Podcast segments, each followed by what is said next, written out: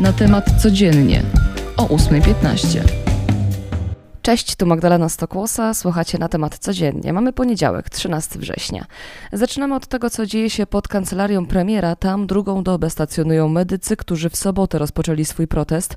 W Alejach Ujazdowskich rozbito białe miasteczko. Medycy zaznaczają, że to nie czas na pobieżne kartonowe reformy, nie ma już czasu na polityczne przepychanki. Komitet Protestacyjno-Strajkowy Ochrony Zdrowia szacuje, że w proteście bierze udział około 30 tysięcy osób.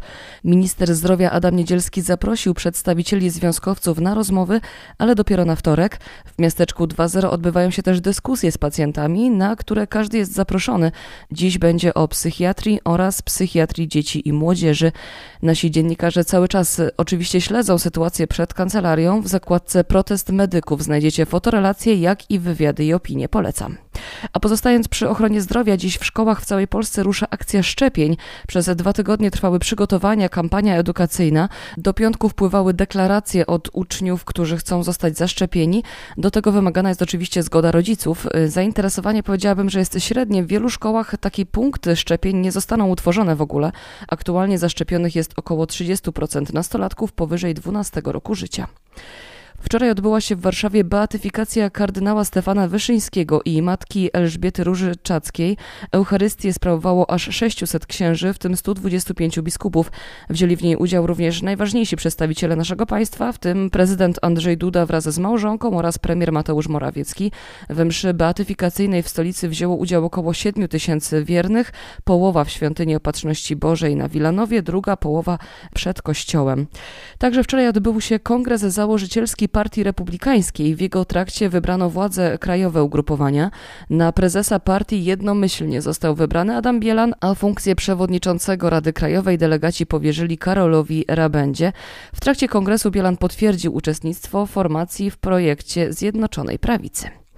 Czas na sport i sporo tego mamy po weekendzie. Najpierw siatkarze, którzy awansowali do ćwierćfinału Mistrzostw Europy. W sobotę wygrali z Finlandią 3-0 w setach i to była ich najłatwiejsza wygrana na tej imprezie. Wygrali w setach dwa razy do 16 i raz do 14. Teraz przed biało-czerwonymi starcie z niewątpliwym gigantem, czyli Rosją. Ten mecz już jutro. A tymczasem nasi koszykarze 3 na 3 pokonali reprezentację Rosji i wywalczyli brązowy medal Mistrzostw Europy. Tym samym kolejny raz udowodnili, jak pisze Krzysztof Na natemat.pl, że należą do światowej czołówki tej dyscypliny. Relacje z tego starcia oczywiście znajdziecie na naszej stronie. To jeszcze o jednych mistrzostwach Europy, które się rozpoczęły. W amp-futbolu nasza reprezentacja pokonała Ukrainę 3-0 w swoim pierwszym starciu.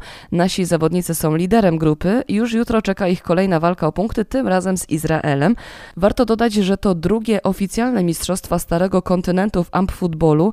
Nasi zawodnicy w poprzednich zajęli trzecie miejsce, a tytułu broni reprezentacja Turcji. Turniej rozgrywany jest w Krakowie. Ok, kończąc moje sportowe podsumowanie, nie mogło w nim zabraknąć finału tenisowego US Open. Wygrał Daniel Miedwiediew, który pokonał Nowaka Diokowicza, ku myślę zaskoczeniu wielu. Diokowicz bowiem miał szansę na wielkiego szlema, czyli wszystkie tytuły wielkoszlemowe zdobyte w jednym sezonie. Zdobył trzy, zabrakło tego z Nowego Jorku. Miedwiediew po wygranej powiedział, że dla niego i tak Serb jest najlepszym tenisistą i że go przeprasza, bo wie na co liczył i na co liczyli jego kibice, którzy swoją drogą pokazywali dość dobitnie, dla kogo przyszli na ten mecz, no nie ukrywam, że mogli zachować się nieco lepiej. Jak już przy lepszym jesteśmy, to ja bym się osobiście nie pogniewała za lepszą aurę za oknem. No oczywiście teraz będzie prognoza, bo synoptycy zapowiadają dziś spore zachmurzenie niemal w całym kraju, tylko w niektórych rejonach będzie ono małe i tam też możemy spodziewać się słoneczka i wyższych temperatur, to na południu. Na Opolszczyźnie i na Dolnym Śląsku najcieplej, tam termometry pokażą nawet 25 stopni, najchłodniej okolice Suwałk, tam 19, a opadów możemy spodziewać się na wschodzie Polski i na wybrzeżu. A przy przy takiej powoli, powoli jesiennej pogodzie czas pomyśleć o tym, co w długie wieczory będziemy robić. Wielu, myślę, wybierze książki. Jeśli szukacie inspiracji, to polecam Wam wejść na naszą stronę. Maja Mikołajczyk na przykład stworzyła listę 10 kryminałów, które wciągną każdego. Sama zapisałam kilka pozycji, tak więc też Wam serdecznie to polecam. I polecam siebie niezmiennie. Już jutro kolejne nasze spotkanie. Tymczasem żegnam się z Wami, Magdalena Stokłosa. Dzięki i do usłyszenia.